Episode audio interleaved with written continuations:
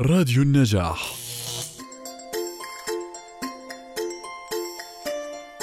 ماما روزا أريد أن أسألك عن شيء ما بالطبع يا لونا وما هو هذا الشيء ما معنى كلمة الإحسان؟ مم ومن أين أتيت بهذه الكلمة ذات المعنى الكبير؟ في درس اليوم حدثتنا المعلمة عن الإحسان وجزاءه ولكن لم أفهم شيئا. ما رأيك أن نتكلم عن الإحسان بقصة الليلة لكن بعد أن تتناولي طعام العشاء. حسنا يا أمي. وعن ماذا تتحدث قصة هذه الليلة؟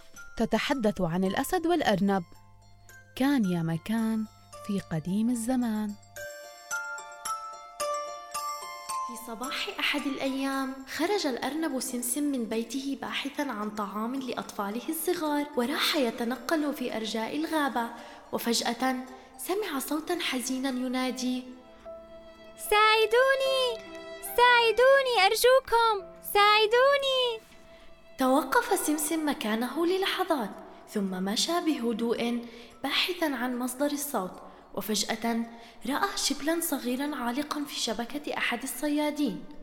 وما إن رأى الشبل الصغير الأرنب حتى قال له النجدة أرجوك ساعدني أيها الأرنب. أسرع سمسم لنجدة الشبل لكنه توقف فجأة وقال لنفسه سأنقذه وليكن ما يكون.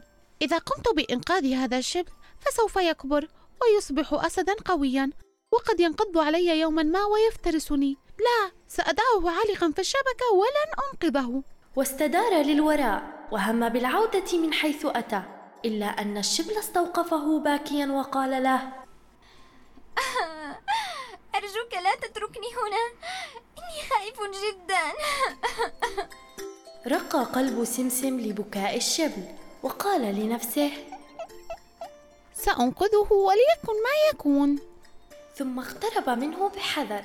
وبدأ يقطع حبال الشبكة بأسنانه وما إن خرج الشبل من الشبكة حتى أطلق سمسم ساقيه للريح ولم يعطه فرصة ليوجه إليه كلمة شكر واحدة. مرت عدة سنوات. كبر خلالها الأرنب سمسم وأصبح عجوزا سمين الجسم. بطيء الحركة وفي أحد الأيام وبينما كان يتنزه في الغابة فوجئ بذئب كبير يظهر أمامه. خاف سمسم كثيرا وانطلق يجري إلى منزله فأسرع الذئب وأمسك به.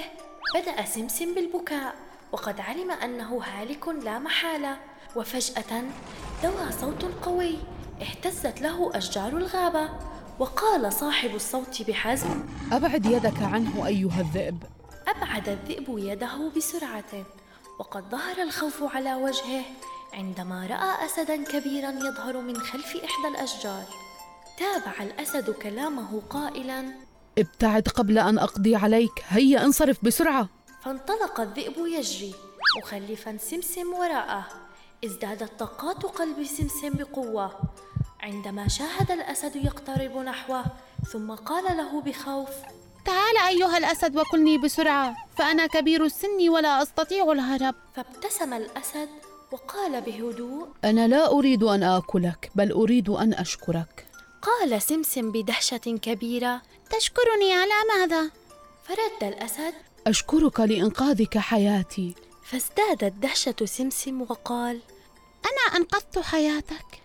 قال الأسد. أنا ذلك الشبل الذي أنقذته من شبكة الصياد منذ عدة سنوات ولم تعطني الفرصة حينها لأشكرك. والآن شاء الله أن أقابلك لأقدم لك شكري وأنقذ حياتك كما أنقذت حياتي من قبل. واقترب الأسد من سمسم وأمسك يده بحنان ثم شكره وانصرف. وقف سمسم مكانه مذهولا وهو لا يصدق ما جرى وقال باستغراب كبير أيعقل أن هذا الأسد القوي هو ذاك الشبل الصغير؟ يا إلهي كم صار كبيرا وقويا؟ سار سمسم عائدا إلى بيته وهو يحدث نفسه قائلا. صحيح المعروف لا يضيع أبدا وإن جزاء الإحسان هو الإحسان وإن من يزرع الخير لن يحصد إلا الخير.